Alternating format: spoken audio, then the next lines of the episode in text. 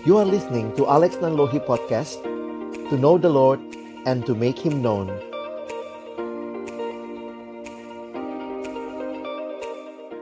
Mari sama-sama kita berdoa sebelum kita membaca merenungkan firman-Nya.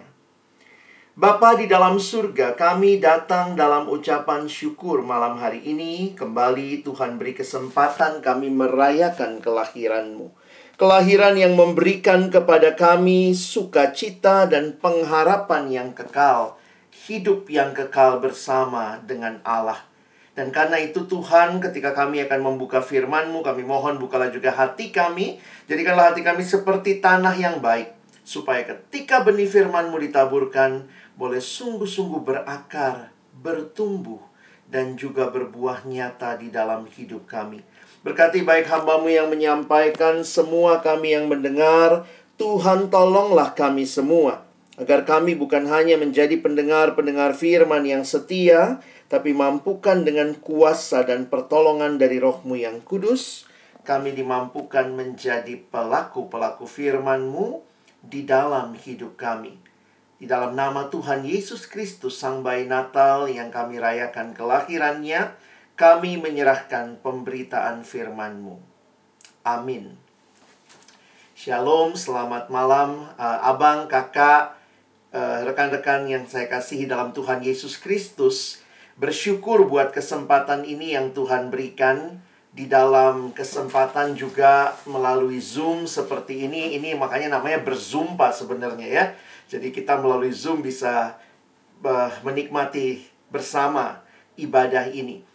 Nah, malam hari ini tema yang diberikan kepada kita, saya coba siapkan satu presentasi untuk kita boleh ikuti sama-sama, yaitu beritakan kasihnya. Ya, sudah berulang kali tadi kita mendengar bahwa Natal yang kita rayakan ini kali yang kedua dirayakan di dalam suasana pandemi tentu tidak mudah untuk sebagian dari kita yang mungkin juga mengalami berbagai pergumulan dalam situasi pandemi ini. Ada yang harus ya bekerja dari rumah, ada juga yang sudah mulai masuk begitu ya. Kita bersyukur penurunan tetapi juga terus waspada ke depan. Ini awalnya cuma masalah kesehatan sahabat-sahabat yang dikasihi Tuhan, tetapi kemudian jadi masalah pekerjaan, jadi masalah ekonomi, jadi masalah sosial, bahkan masalah rohani, ibadah online, bahkan buat adik-adik, mahasiswa, siswa, juga jadi masalah pendidikan, dan tidak sedikit juga yang mungkin mengalami emosi-emosi yang uh, ya macam-macam ya dalam dua tahun ini, hampir dua tahun ini karena kesulitan untuk bisa beradaptasi maupun juga kesulitan bagi kita untuk bisa uh, menghadapi situasi ini. Nah, dalam situasi seperti ini, terus kita sekarang hari ini bicara beritakan kasih Tuhan. Wow, saya sendiri jadi merasa, wah ini ditantang ya Ayo beritakan kasih Tuhan. Bagaimana dalam situasi seperti ini? Biasanya dalam situasi sulit, maka yang pertama muncul dalam benak kita biasanya adalah kayaknya Tuhan tidak mengasihi saya. Kayaknya Tuhan sedang marah sama saya. Sehingga boro-boro memberitakan kasih Tuhan, tetapi kita sendiri perlu memaknai apakah kita masih merasakan kasih Tuhan sebuah kalimat yang saya kutip di awal perenungan ini. Ini sangat indah dan dalam maknanya. Silahkan kalau mau screenshot boleh gitu ya. Kalimat yang disampaikan oleh pendeta Timothy Keller. Dia mengatakan, I am going to judge my circumstances by Jesus' love, not Jesus' love by my circumstances. Seringkali kita melihat kalau suasana saya sedang mengalami sesuatu yang buruk, lalu yang kita lihat Tuhan kayaknya nggak mengasihi saya. Tetapi dia mau mengatakan tidak. Yesus selalu mengasihi kita. Karena itu, lihatlah situasimu dari perspektif itu. Saya tidak tahu bagaimana teman-teman sekalian melewati masa-masa ini. Tetapi hari ini, kembali kita merayakan Natal, menyambut Natal, masih tanggal 25 ya. Dan ini menjadi bagian yang penting. Selalu kita harus ingat apa hal yang paling penting dalam Natal. What is the most important thing about Christmas ya? Saya selalu ingat kalimat ini. The most important thing about Christmas is the first six letters. Enam huruf yang pertama. Christ.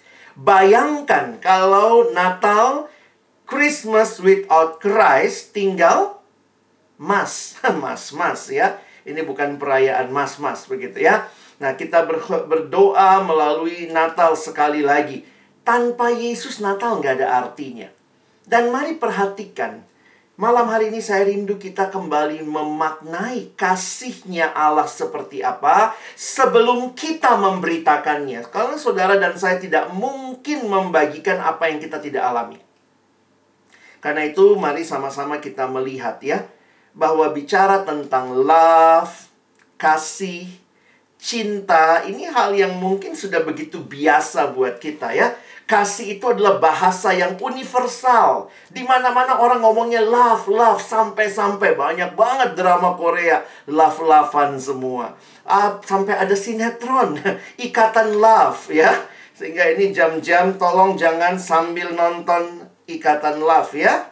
Jadi fokus dulu sama yang ini, mama-mama ikatan love, tolong fokus dulu. Nah, pertanyaannya, apa sebenarnya kasih itu? Bagaimana kita menghayatinya?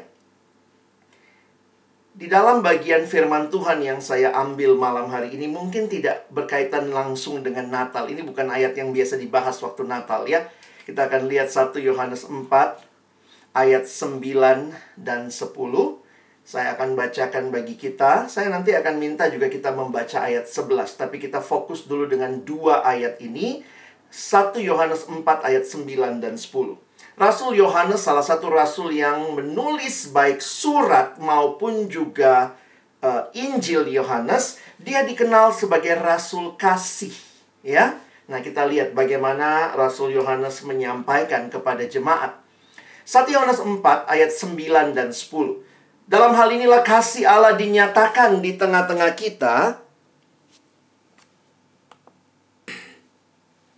Dalam hal inilah kasih Allah dinyatakan di tengah-tengah kita, yaitu bahwa Allah telah mengutus anaknya yang tunggal ke dalam dunia, supaya kita hidup olehnya. Ayat 10. Inilah kasih itu. Bukan kita yang telah mengasihi Allah, tetapi Allah yang telah mengasihi kita, dan yang telah mengutus anaknya sebagai pendamaian bagi dosa-dosa kita. Terima kasih tadi juga di lagu pengantar firman pas sekali dengan ayat ini ya. Saya sudah bayangkan ini apa yang akan dinyanyikan biasanya menyambut firman.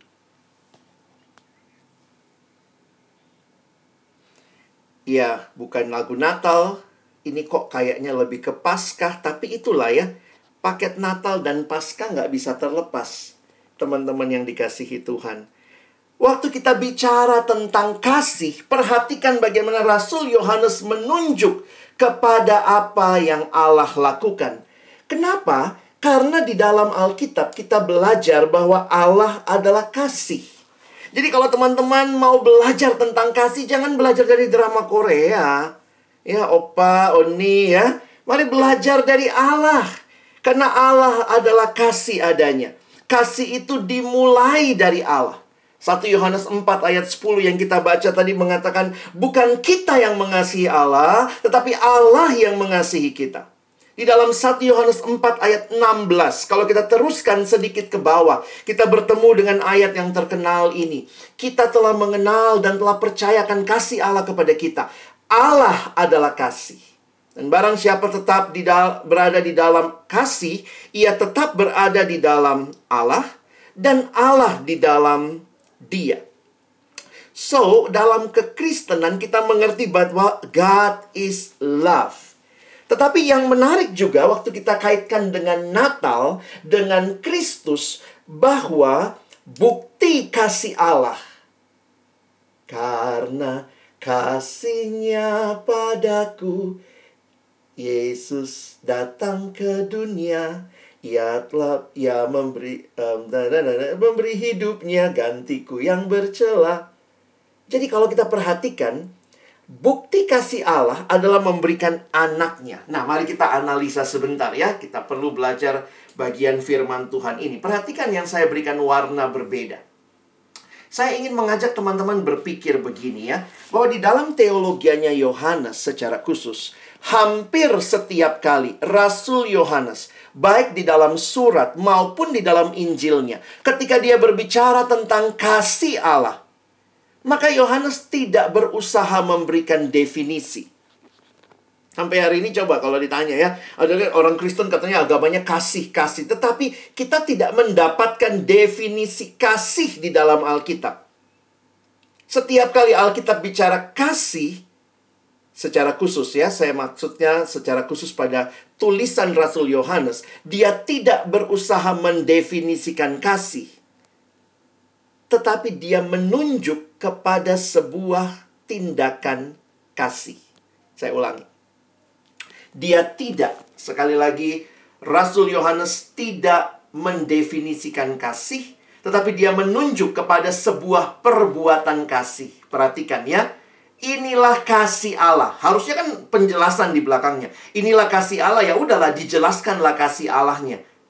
Tetapi yang terjadi kalau kita perhatikan, dituliskan di situ bahwa inilah kasih Allah dinyatakan di tengah-tengah kita, yaitu bahwa Allah telah mengutus anaknya yang tunggal. Jadi perhatikan, kasih Allah dinyatakan dengan Allah telah mengutus anaknya yang tunggal. Nah, ini jadi menarik untuk kita perhatikan sama-sama. Lalu kita lihat lagi di ayat 10 juga masih sama. Kalau teman-teman memperhatikan di dalam ayat yang ke-10, dikatakan inilah kasih itu. Tapi sekali lagi dia tidak sedang mendefinisikan kasih, tetapi dia menunjuk kepada sebuah tindakan kasih, yaitu Allah telah mengutus anaknya. Dan ketika kita belajar lagi, apa yang kita pelajari? Ya, kalau teman-teman kita belajar Injil Yohanes, kita tentu sangat sangat familiar dengan ayat yang ini yang biasanya dikhotbahkan pada waktu Natal ya. Yohanes 3 ayat 16. Sekali lagi, ini juga tidak mendefinisikan kasih. Bahwa karena begitu besar kasih Allah, sehingga ia telah mengaruniakan anaknya yang tunggal. Mengapa tindakan mengaruniakan anak tung anak yang tunggal itu menjadi tindakan kasih yang jadi fokus dalam bagian ini? Saya pikir kita harus memaknai kasih itu bukan sekadar mendefinisikannya, tetapi melihat teladan kasih terbesar. Dan dari situlah kita refleksikan, seperti yang dikatakan oleh almarhum pendeta Billy Graham. Allah membuktikan kasihnya pada kayu salib ketika Kristus digantung berdarah dan mati. Itulah saatnya Allah berkata kepada dunia, I love you. Teman-teman, mungkin kita berpikir, kenapa Natal kok ngomongnya Allah yang datang ke dalam dunia yang mati? Karena Yesus tidak lagi datang studi banding. Yesus tidak lagi datang studi tour. Yesus tidak lagi datang, aduh jalan-jalan surga begini-begini aja. Ya udahlah jalan-jalan sebentar. Tetapi dia datang dengan satu tujuan yang jelas. Jangan jangan berhenti dengan romantisme Natal. Wah, yang lahir bayi kecil, mungil. Wah, bisa kita bully ya kalau anak kecil ya. Kita goda-godain. Wah, kita timang-timang nanti kita jatuhin nih gitu ya. Tetapi kita masuk dalam satu penghayatan bahwa apa yang terjadi, yang dimulai di waktu Natal, tidak terlepas dari karyanya yang genap di kayu salib. Sehingga kalau teman-teman berkata Natal ini bukti kasih Allah, tetapi bukan hanya Natalnya, seluruh hidup Yesus menjadi bukti kasih yang luar biasa dari Allah. Sehingga pendeta John Stott berkata dengan indah, sekali lagi sulit diterjemahkan ya, karena dalam bahasa Inggris permainan katanya ada di sana.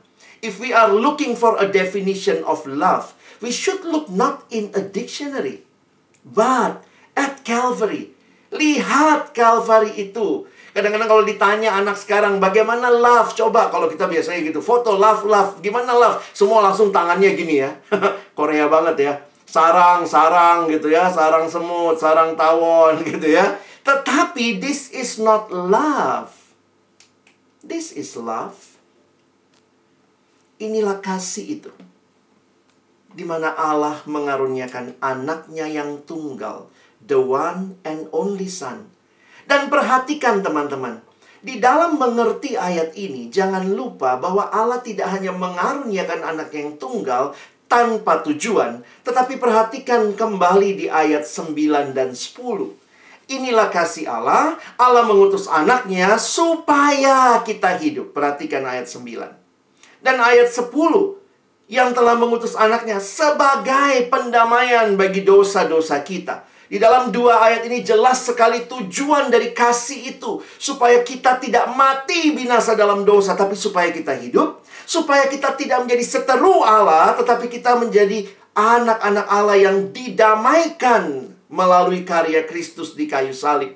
Sekali lagi Natal dimulai bukan hanya di dalam kelahiran Yesus. Tetapi di dalam kekekalan Allah punya rencana yang indah dan dengan seluruh karyanya sampai pengorbanannya di kayu salib. Yesus hanya ingin mengatakan, I love you. Aku mengasihimu. Teman-teman ini beda banget sama kasihnya dunia ya.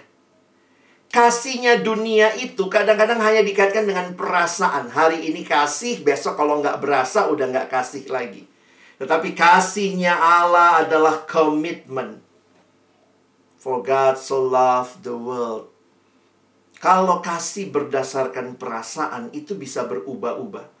Tetapi kasih Allah adalah komitmen. Karena itu kalau orang menikah juga disuruhnya komitmen ya. Jadi bukan janji perasaan ya. Janji nikah itu kan komitmen ya, bukan masalah perasaan. Hari ini lagi sayang atau hari ini lagi senang, besok lagi nggak senang, nggak bisa.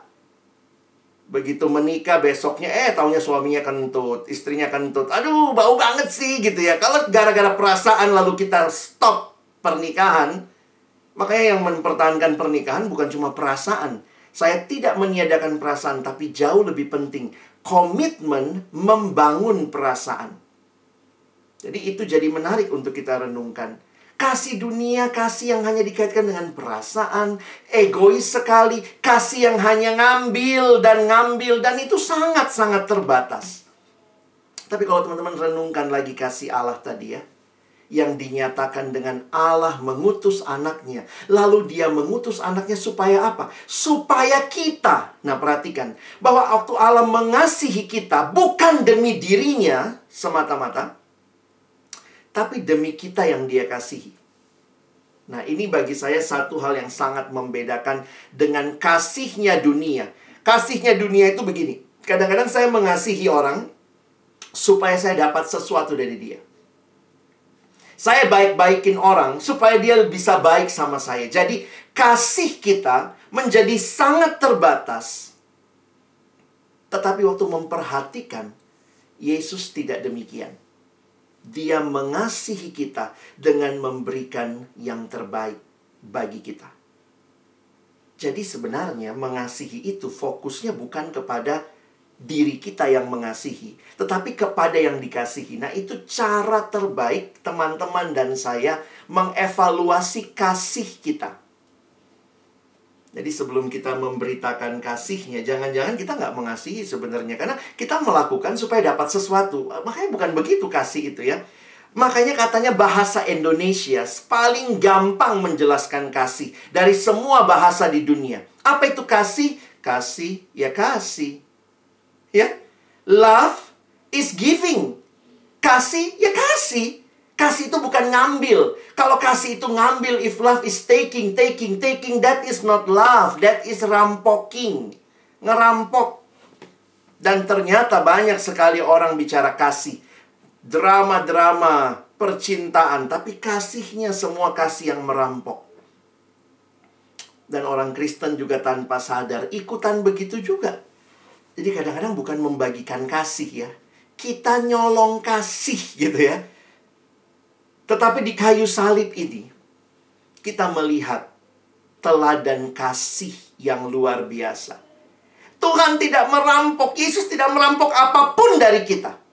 Waktu dia mengasihi kita, dia bahkan memberikan semuanya supaya kita, bukan supaya dia, supaya kita tadi hidup, supaya kita. Jadi teman-teman waktu saya menghayati kasih seperti ini, Wow, kasihnya Allah, kasih yang aktif, kasih yang inisiatif, kasih yang nyata, memberi yang terbaik. Itu bukan wacana, beda ya. Bukan wacana. Dan Tuhan tidak mengirimkan wacana, Tuhan tidak mengirimkan makalah ya. Bayangkan kalau Yohanes 3:16, karena begitu besar kasih Allah akan dunia ini, maka dia mengirimkan makalah kasih. Pelajari makalahnya ada ujian akhir. No tindakan kasih. Dia memberikan anaknya yang tunggal. Kasih itu apa? Kasih ya kasih. Jangan ngerampok. True love is about giving everything and expecting nothing. Karena itu dikatakan kalimat indah ini ya. You can give without loving, but you cannot love without giving. Eh, emangnya bisa ya? Memberi tanpa kasih? Oh, bisa.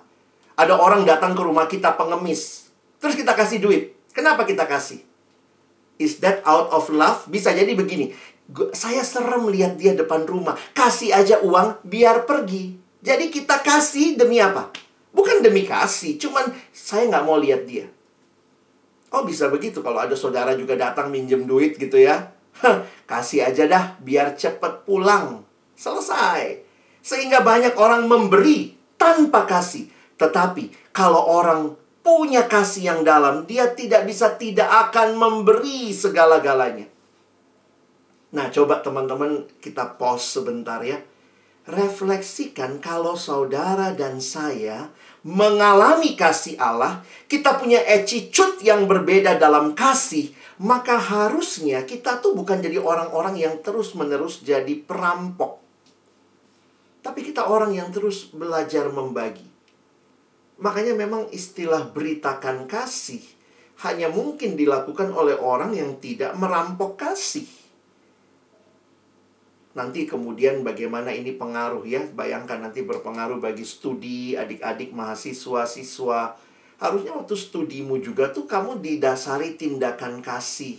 Kalau ada teman, kamu coba ajarin, belajar membagi, belajar juga terbuka untuk menerima dari orang lain. Karena kasih itu bukan hanya saya membagikan tetapi saya juga belajar menerima. Lalu dalam pergaulan kita bagaimana kasih itu juga adalah kasih yang membangun kasih yang membuat kita hidup dalam kekudusan dalam pekerjaan juga teman-teman yang bekerja para alumni Bagaimana pekerjaanmu juga menyatakan kasih Allah bagi orang-orang di sekitarmu, bahkan di dalam rumah tangga kita. Hai teman-teman alumni, bagaimana kita menyatakan kasih itu? Ekspresinya pasti beda ya. Orang yang penuh justru akan meluap keluar. Sementara orang yang kosong, dia akan ngerampok semua. Dia cari semua yang bisa mengisi apa yang kosong itu. Sehingga bagaimana seharusnya kita merayakan Natal? Saudara harus alami dulu kasih-kasih yang seperti itu ya. Kasih Allah yang dinyatakan bagi kita. Dan semangat Natal, coba kita pikir-pikir lagi dari penjelasan yang saya sampaikan tadi. Semangat Natal itu giving or taking. Oh banyak juga orang ya kalau kalau lagi onsite suka gitu ya. Eh apa makanannya? Natal itu apa makanannya? Jadi datang ke gereja nyari, apa makanannya? Ih, apa souvenir Natalnya? Ih, masa tumbler lagi? Tahun lalu tumbler juga gitu ya. Jadi kadang-kadang banyak orang datang ke gereja tuh mau ngerampok. Apalagi, apalagi, apalagi buat saya, apalagi buat saya. Tetapi teman-teman, kalau kita melihat dalam Natal yang pertama, peristiwa kelahiran Yesus, sebenarnya Natal pertama itu Allah yang kasih kado sama kita. Dan kado itu saudara dan saya sangat butuhkan, yaitu anaknya Yesus Kristus. Allah memberikan dirinya kepada kita. Karena itu saya senang sekali dengan gambar berikut ini ya. Teman-teman lihat ya, tidak sering apa jarang saya ketemu gambar yang memadukan Natal sama Paskah. Tapi sayangnya memang dalam bahasa Inggris ya. Coba kita perhatikan kalimatnya as we celebrate the Christmas season, the greatest gift wasn't placed under a tree, but he was hung on a tree. Hadiah Natal yang terindah itu yang Allah berikan bukan ditaruh seperti kado Natal di bawah pohon, tetapi dia tergantung di atas salib. Istilah tree itu juga bisa berarti salib. Sehingga dalam Natal, teman-teman alami kasih itu. Terimalah kado Natal. Buka hatimu, biarkan Tuhan Yesus datang dan bertakhta di hati setiap kita. Kita mengalami kasih Allah itu. Dan kalau kita sudah mengalami kasih Allah, ya mari kita bagikan begitu ya. Nah, jadi teman-teman hayati dulu kasihnya dan sekarang mari kita coba berikan uh, pikirkan bagaimana kita memberitakannya, bagaimana kita membagikannya. Saya selalu ingat kalau lagi itu ya, saya suka uh, kalau naik pesawat itu biasanya kalau naik pesawat teman-teman yang pernah naik pesawat pasti tahu ya ada petunjuk peragaan cara menggunakan sabuk pengaman lah uh, uh, pelampung lalu ada ini nih nah ada cara menggunakan masker oksigen ya biasanya nanti pramugarinya atau pramugaranya akan bilang, jika uh, tekanan udara di dalam kabin mendadak menurun, maka masker oksigen seperti ini akan keluar dari panel di atas Anda. Apa yang dilakukan? Tarik masker menutupi mulut dan hidung, kaitkan talinya di kepala, dan bernafaslah seperti biasa. Wah, sampai situ bagi saya ya wajar-wajar aja. Tapi yang saya sangat tertarik adalah kalimat selanjutnya yang dia katakan. Bagi Anda yang bepergian dengan anak-anak atau orang yang butuh pertolongan, tolonglah atau pakailah masker Anda terlebih dahulu sebelum menolong orang lain. Nah, teman-teman, saya jadi berpikir ya seperti yang kita pelajari malam ini. Bahwa ketika engkau dan saya mengalami kasih Allah, ya tolong dirimu dulu, tapi kemudian kita tolong orang lain di sekitar kita. Nah, sekarang kita berpikir lebih jauh. Ayatnya ada. Persis di bawahnya. 1 Yohanes 4 ayat 11. Saudara-saudaraku yang kekasih, jikalau Allah sedemikian mengasihi kita. Lihat cara Rasul Yohanes menulis. Jikalau Allah sedemikian mengasihi kita, maka haruslah kita juga saling mengasihi. Ini bukan sekadar suggestion.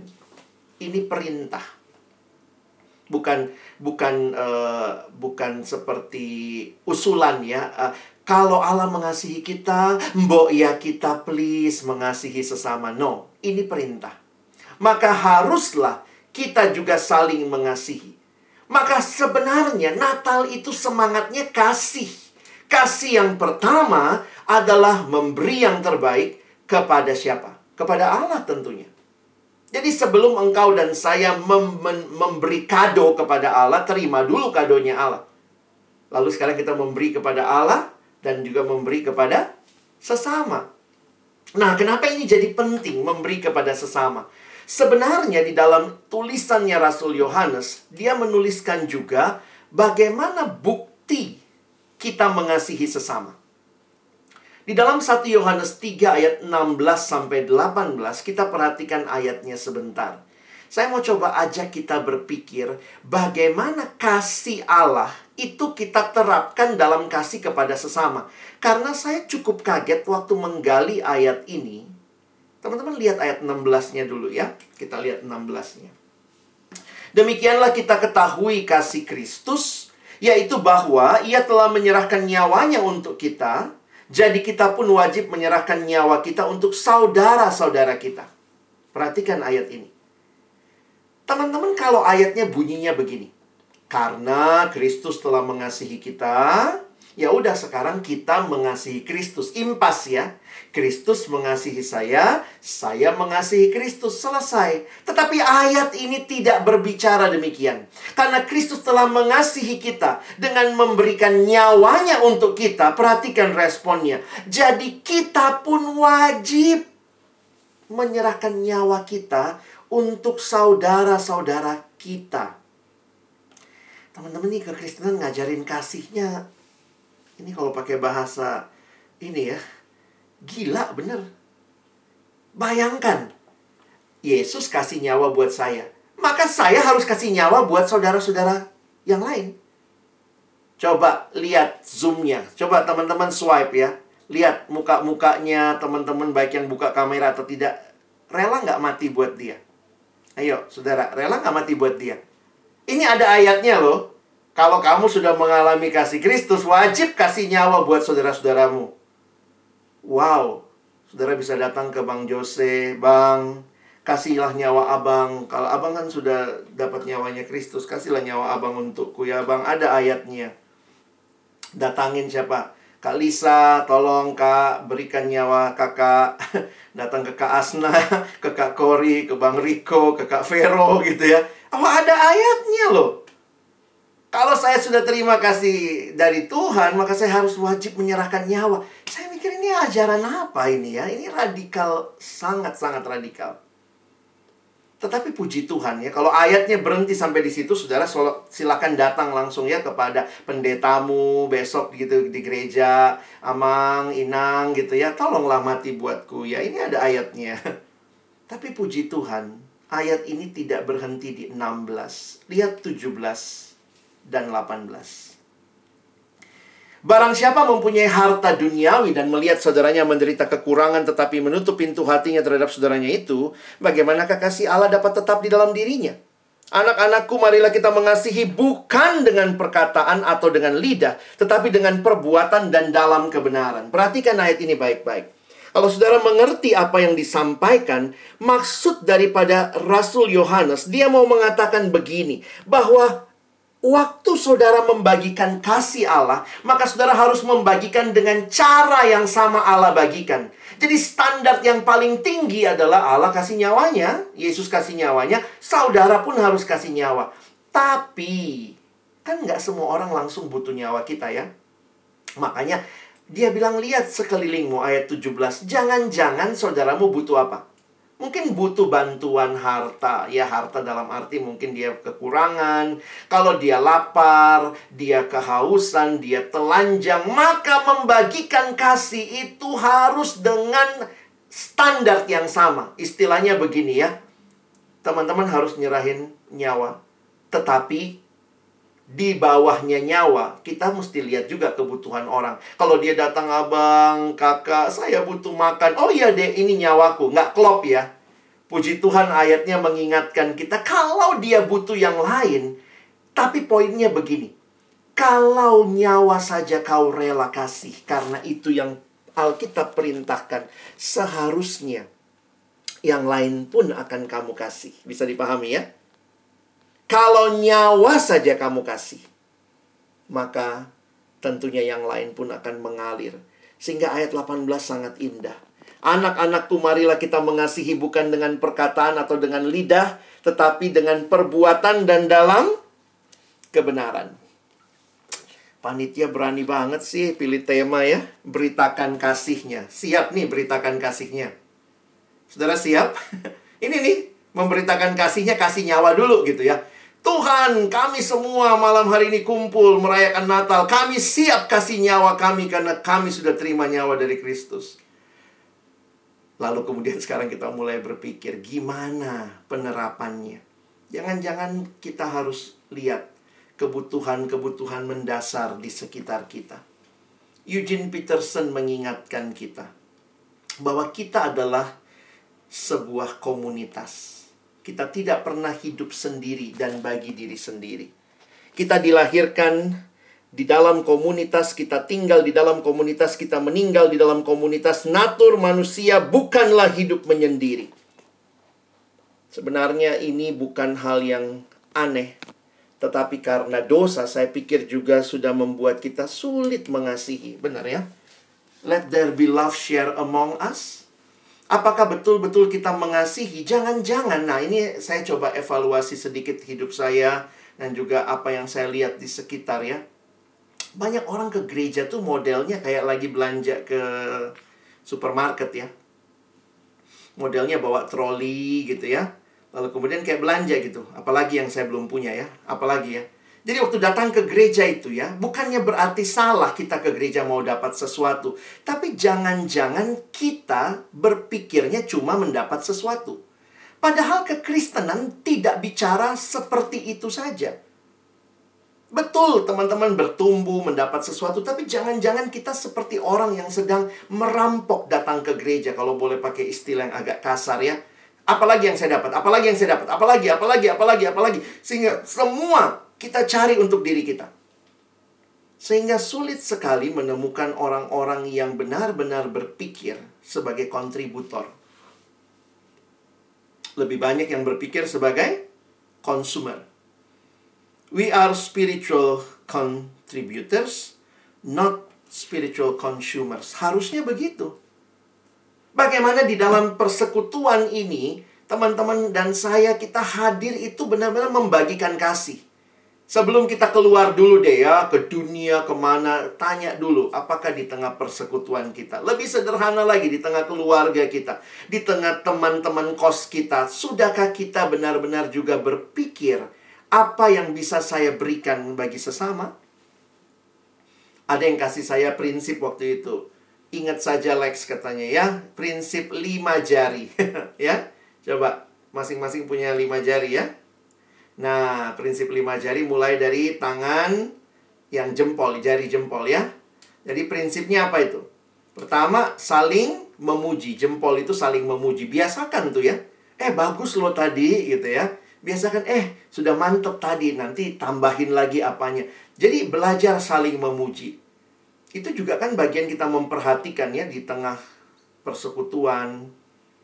Apakah teman-teman juga ngalamin ini di dalam keluarga ya belajar saling memuji.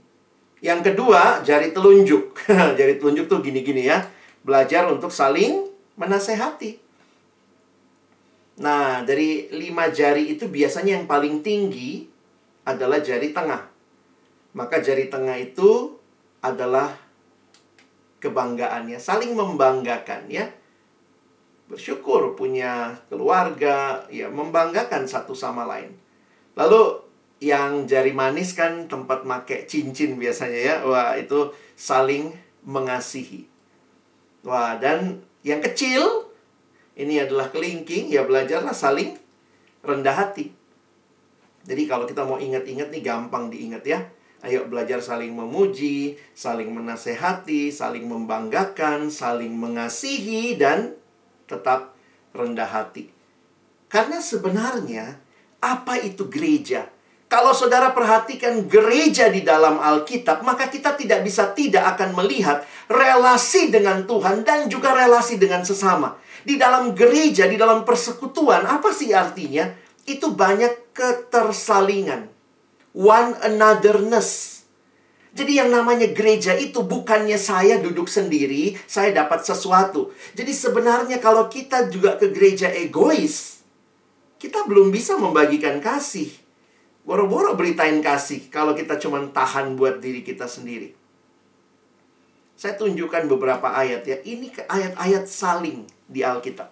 Coba teman-teman nanti searching kalau anak perkantas suka PA baca deh. PA ini tuh saling, saling, saling. Jadi gereja itu apa? Saling mengaku dosa, saling mengampuni, saling menegur, saling membangun, saling mendoakan, saling melayani. Itulah harusnya gambaran persekutuan. Bukannya setiap orang, saya dapat apa, saya dapat apa, pulang ngomongin orang. Wah, kalau saya nggak bisa ngomong, nggak bisa deket sama orang kayak gitu. Wah, pokoknya dia anaknya seperti ini. Pokoknya kalau saya, kadang-kadang kita bukannya mikirin orang lain, kita mikirin perasaan kita saja. Bukan berarti salah kita memikirkan perasaan kita secara kesehatan emosi perlu juga kita perhatikan, tetapi jangan-jangan kita tidak memberi diri untuk memaksa diri mengasihi orang lain. Jadi boro-boro kasih nyawa ya. Baru beda pendapat keluar dari pengurus. Baru beda pendapat langsung sakit hatinya dua tahun gitu ya. Baru beda pendapat, konflik sedikit. Jadi kadang-kadang saya pikir Tuhan kami gagal mengasihi. Padahal kami adalah komunitas yang harusnya menunjukkan ketersalingan ini. Gampang? Enggak. Sulit, teman-teman. Karena kita sudah jatuh dalam dosa dan kita sangat egois. Dalam hidup rumah tangga sulit. Tadi gampang ya, saling memuji. Kadang-kadang mungkin yang kita puji yang orang lain gitu ya boro-boro anggota keluarga kita. Kurang banyak ayatnya. Nih saya tambahin ya, nanti silakan PA lagi. Teman-teman makin sadar ayat ini, saya makin waduh. Tuhan, apakah kami makin mirip gerejamu? Atau jangan-jangan kami adalah yang sangat merampok aja. Kita datang tuh merampok. Kita ikut persekutuan tuh cuma buat diri kita. Boro-boro mikirin orang lain. Tapi mungkin ada teman-teman bilang, ya bang, tapi kan nggak ada yang sempurna. Benar nggak ada yang sempurna, tapi bukan berarti nggak mungkin. Ada yang bilang, karena nggak sempurna dia keluar dari persekutuan. Wah, sedih juga seperti itu ya. Makanya ada kalimat begini, kamu nggak pernah memang ketemu gereja yang sempurna. Nggak ada gereja yang sempurna di dunia ini. Selalu pasti ada kekurangannya. Perkantas juga nggak sempurna. Kalau orang bilang sakit hati sama perkantas, ya Perkantas nggak sempurna, perkantas bukan bukan tempat tanpa tanpa salah begitu ya. Tapi mari kita belajar nih mengampuni, mengasihi, saling membangun, saling ngaku dosa, saling terbuka. Kalau sampai saudara ketemu persekutuan gereja yang tidak punya kelemahan, sangat sempurna. Bayangkan ya, kalau saudara ketemu gereja yang sangat sempurna. Kalau ada ya. Tapi kalau sampai saudara ketemu, Lalu saudara gabung ke dalam gereja itu. Begitu kamu gabung, langsung dia jadi gereja nggak sempurna. Karena kamu. Makanya kalimatnya gini ya. You will never find a perfect church. If you do, leave it alone. If you join it, it will no longer be perfect. Karena gara-gara kita gitu ya. Nah, teman-teman mari kita make it practical ya. Kita sudah masuk dalam hampir 2 tahun ya dengan pandemi ini. Saya tidak tahu bagaimana emosi teman-teman, bagaimana pergumulan, apa dampak yang kita rasakan langsung, tidak langsung, bagi keluarga, bagi studimu, bagi uh, mungkin juga bangsa kita ya, ekonomi yang mungkin sedang menggeliat untuk bangkit lagi. Di dalam satu survei yang dilakukan untuk anak muda, ditanyakan tiga ketakutan apa ketakutan terbesar dari anak muda ya? Di list lah. Dan sebenarnya ketemu sampai lebih dari 10. Tapi kemudian dilihatlah tiga teratas teman-teman ya. Ini khusus untuk anak muda. Tapi waktu saya perhatikan, nah ini bukan cuma anak muda ya, alumni juga ya. Alumni kalau udah nggak mau merasa muda lagi ya, teman juga mengalami ini. Pertama, takut akan masa depan. Fear of the future. Yang nggak ada dari kita yang bisa menerka menebak, merencanakan, kita juga bingung apa yang akan terjadi ke depan. Dan saya pikir pandemi ini makin membuat kita sadar kita nggak punya kontrol untuk hari depan. Yang kedua, takut kegagalan. Fear of failure. Banyak yang takut gagal. Dan ini yang ketiga yang menarik ya. Ini generasi yang medsosnya penuh, punya medsos di mana-mana, tapi ternyata ini generasi yang takut dengan kesepian.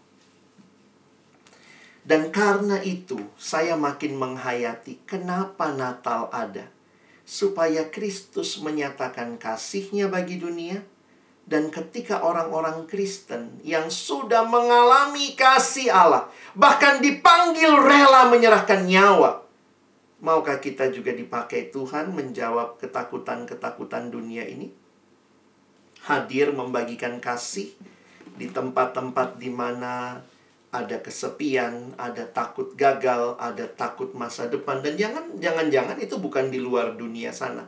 Di dalam persekutuan kita pun kita perlu saling membangun untuk sama-sama menyemangati bagaimana menghadapi masa depan ke depan. Tidak ada orang di luar jangkauan kasih Tuhan. Nobody is beyond the reach of God. Karena itu mari mulai ya. Mulai dari mana? Mulai dari persekutuan kita, dan waktu persekutuan kita pun makin kuat, saya pikir Tuhan hadirkan kita untuk membagikan kasih. Saya kadang suka mikir ya, kenapa ya? Dunia itu tidak punya tiga hal ini. Dunia tidak punya iman, karena makin gak jelas yang mana yang dipercaya. Dunia tidak punya kasih, dan dunia tidak punya pengharapan. Tapi jangan lupa teman-teman, tiga-tiganya itu dititipkan Tuhan sama kita loh. Tuhan berikan iman, Tuhan berikan kasih, Tuhan berikan pengharapan. Itu berarti bukan hanya bagi kita, tapi kalau Tuhan titipkan itu, saya sangat yakin Tuhan mau saudara dan saya hadir menjadi berkat di tengah dunia yang tidak punya iman, kasih, dan pengharapan. Maka mari kita berpikir selebih jauh lagi ya. Nanti teman-teman dalam KTB bisa coba pikirkan tindakan-tindakan kasih yang kita mulai. Kadang-kadang harus disengaja. Kadang-kadang harus kita upayakan sama-sama ya. Tentu yang paling sederhana doa satu sama lain, saling mendoakan ya. Kita butuh kekuatan. Jangan jadikan doa jalan terakhir. Ada orang suka mikir doa tuh jalan terakhir ya. Kalau sakit kepala, minum obat ini nggak nolong, obat itu nggak nolong. Akhirnya terakhir, oh Tuhan, baru doa ya. Doa harusnya jadi jalan pertama. Milikilah. Teman-teman mari mulai miliki kasih yang aktif dan inisiatif. Peka melihat kebutuhan orang lain. Natal itu mengingatkan Allah tahu kebutuhan kita ya. Allah lihat dan Allah aktif dia mengaruniakan anaknya yang tunggal. Tentu kita bisa lihat dari banyak di sekitar kita ya. Kalau anak sekarang bilang lihat aja katanya bang story-storynya itu menunjukkan kebutuhannya. Ya bisa juga ya. Kadang-kadang storynya atau gelap gitu ya. Dark gitu. Ini kenapa nih anak ya? Kadang-kadang ya mungkin kita belajar tanya ada apa begitu. Lalu ya jangan fokus sama apa yang kita nggak punya. Nantilah kalau saya punya banyak duit bang baru saya tolong. Enggak juga. Apa yang saudara punya, bersyukur untuk apa yang kita miliki dan belajar berbagi dengan orang lain. Jadi ini langkah-langkah kecil yang bisa kita coba ya. Dan apa yang kita bisa lakukan ya mulai, ayo mulai aja gitu. Mulai dengan apa hal-hal yang sederhana. Karena kasih Allah itu menjangkau. Kita nggak tahu ada mungkin teman kita lagi depresi. Ada teman kita yang lagi bergumul dengan kondisi kesehatan, ada yang bergumul dengan kondisi keuangan, ada yang bergumul dengan kondisi studinya. Dan kita hadir merayakan Natal untuk apa? Untuk ngerampok, untuk dapat kasih sukacita. Tapi mari kita belajar membagikan. Nah, teman-teman, satu langkah paling praktis ya. Ini saya juga coba Coba lihat HP-mu. Ini kan generasi HP ya. Lihat HP saudara, lalu coba pilah-pilih yang mana teman. teman tentunya mungkin ada yang bilang, ya sahabat yang lebih dekat. Teman KTB mungkin.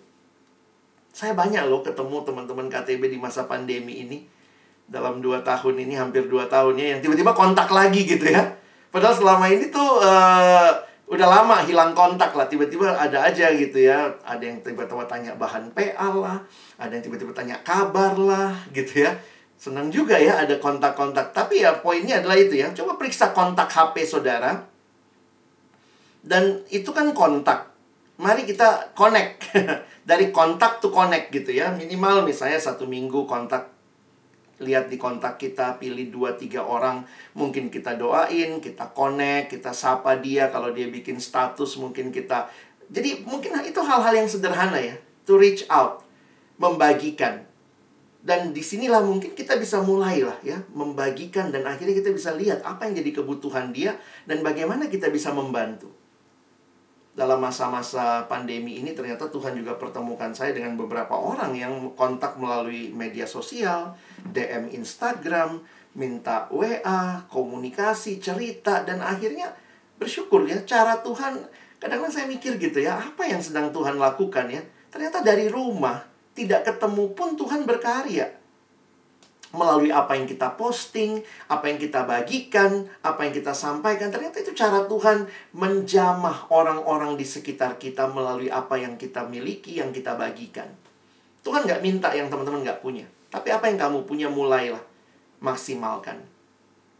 Teman-teman bilang, Bang saya nggak punya duit. Ya Tuhan nggak minta duit saudara. Jangan-jangan saudaramu butuh waktumu, bukan uangmu. Mungkin dia butuh telingamu dengar cerita dia. Mungkin dia cuma butuh cayo semangat gitu ya. Itu itu hal-hal yang yang lebih kontributif gitu ya. Sehingga pada akhirnya ketika kita melihat bangsa, kita tuh nggak terbiasa lagi berpikir tentang diri kita. Bahkan kita akan berpikir apa lagi yang bisa saya berikan termasuk buat bangsa ini. Natal sebenarnya mengajarkan kita bahwa tidak ada yang semuanya untuk diri kita tetapi semuanya yang sudah kita alami dari Allah membuat kita juga membagikannya. Bahkan nyawa loh. Apalagi yang lain-lain. Kiranya ini boleh menjadi perenungan dan menolong teman-teman untuk memaknai Natal tahun ini. Beritakan kasihnya. Bahwa Yesus mengasihi, dia peduli dengan pergumulan orang-orang di sekitar kita. Dia tahu kondisi kita. Kadang-kadang ada orang yang memang merasa dia nggak bisa lagi ada yang memahami, tapi Tuhan tahu. Saya tutup dengan sebuah kalimat pertanyaan yang ditanyakan kepada Santo Agustinus. Satu waktu Santo Agustinus ditanya, bagaimana bentuk dan rupa kasih itu? Wah ini relate sekali ya dengan tema malam ini. Lalu Santo Agustinus menjawab, kasih memiliki tangan untuk menolong orang lain. Kasih memiliki kaki untuk menghampiri mereka yang miskin. Kasih memiliki mata untuk melihat kebutuhan-kebutuhan orang lain. Kasih memiliki telinga untuk mendengar rintihan mereka yang menderita. Demikianlah rupa kasih. Saudaraku yang mengalami kasih Natal, apakah kasih itu juga mengalir melalui tanganmu, kakimu, matamu, telingamu bagi orang-orang di sekitarmu. Selamat menyambut Natal dan memasuki tahun yang baru untuk terus memberitakan kasihnya. Mari berdoa. Tuhan terima kasih untuk firman-Mu, setiap perenungan yang menolong kami juga melihat bagaimana kami bisa memaknai kasih itu sekali lagi. Mungkin contoh-contoh kami sederhana dalam keluarga, di dalam keseharian, di dalam persahabatan. Biarlah kami belajar mengasihi sehingga terus muncul kasih yang makin dalam termasuk ketika kami, kaum intelektual, hadir di bangsa ini, memikirkan pergumulan bangsa ini, memikirkan juga bagaimana membagikan kasih bagi orang-orang yang mungkin saat ini sedang berada dalam situasi-situasi yang tidak mudah. Tuhan, terima kasih. Tolong kami bukan cuma jadi pendengar firman, jadikan kami pelaku-pelaku firman-Mu dalam nama Yesus kami berdoa. Amin.